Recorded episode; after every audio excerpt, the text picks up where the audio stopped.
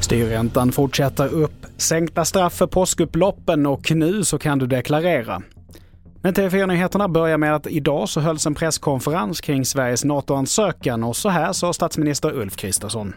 Det har varit tydligt de senaste veckorna från den turkiska sidan att de känner sig färdiga med Finland men inte färdiga med Sverige. Det har sagts i lite olika tonlägen vid olika tillfällen.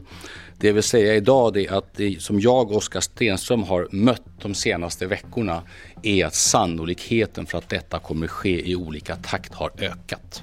Vidare till att Riksbanken har för avsikt att höja styrräntan med 25 punkter i april. Det meddelar riksbankschefen Erik Thedéen idag. Höjningen ska inte ha någonting att göra med det oroliga läget i USA, men att man följer utvecklingen där noggrant. Än så länge har man inte sett några tecken på att inflationen är på väg ner, även om man räknar med det på sikt. Och vidare till att Högsta domstolen sänker straffet för två män efter upploppen i Örebro förra våren. Det är den första domen från HD efter de så kallade påskkravallerna. Och männen som först dömdes till fem respektive sex års fängelse i hovrätten ska nu dömas till tre års fängelse för grovt sabotage mot blåljusverksamhet. Och så här kommenterar Johanna Björkman som är rättsexpert. HD kommer fram till att när det gäller sådana här upploppssituationer, eh, när det då framförallt handlar om angrepp mot blåljuspersonal, Även om det är många individer på platsen så är man som individ bara straffrättsligt ansvarig för sina egna handlingar. Eh, om det inte från åklagarens sida kan styrkas att man har haft en gemensam brottsplan. Till sist, nu är Skatteverkets deklarationstjänst öppen för alla som har fått sin inkomstdeklaration digitalt.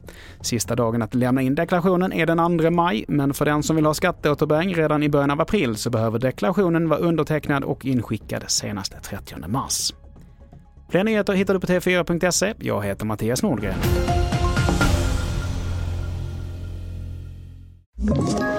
Ett poddtips från Podplay. I fallen jag aldrig glömmer djupdyker Hasse Aro i arbetet bakom några av Sveriges mest uppseendeväckande brottsutredningar. Går vi in med hemlig telefonavlyssning och, och då upplever vi att vi får en total förändring av hans beteende. Vad är det som händer nu? Vem är det som läcker? Och så säger han att jag är kriminell, jag har varit kriminell i hela mitt liv men att mörda ett barn, där går min gräns. Nya säsongen av Fallen jag aldrig glömmer på Podplay.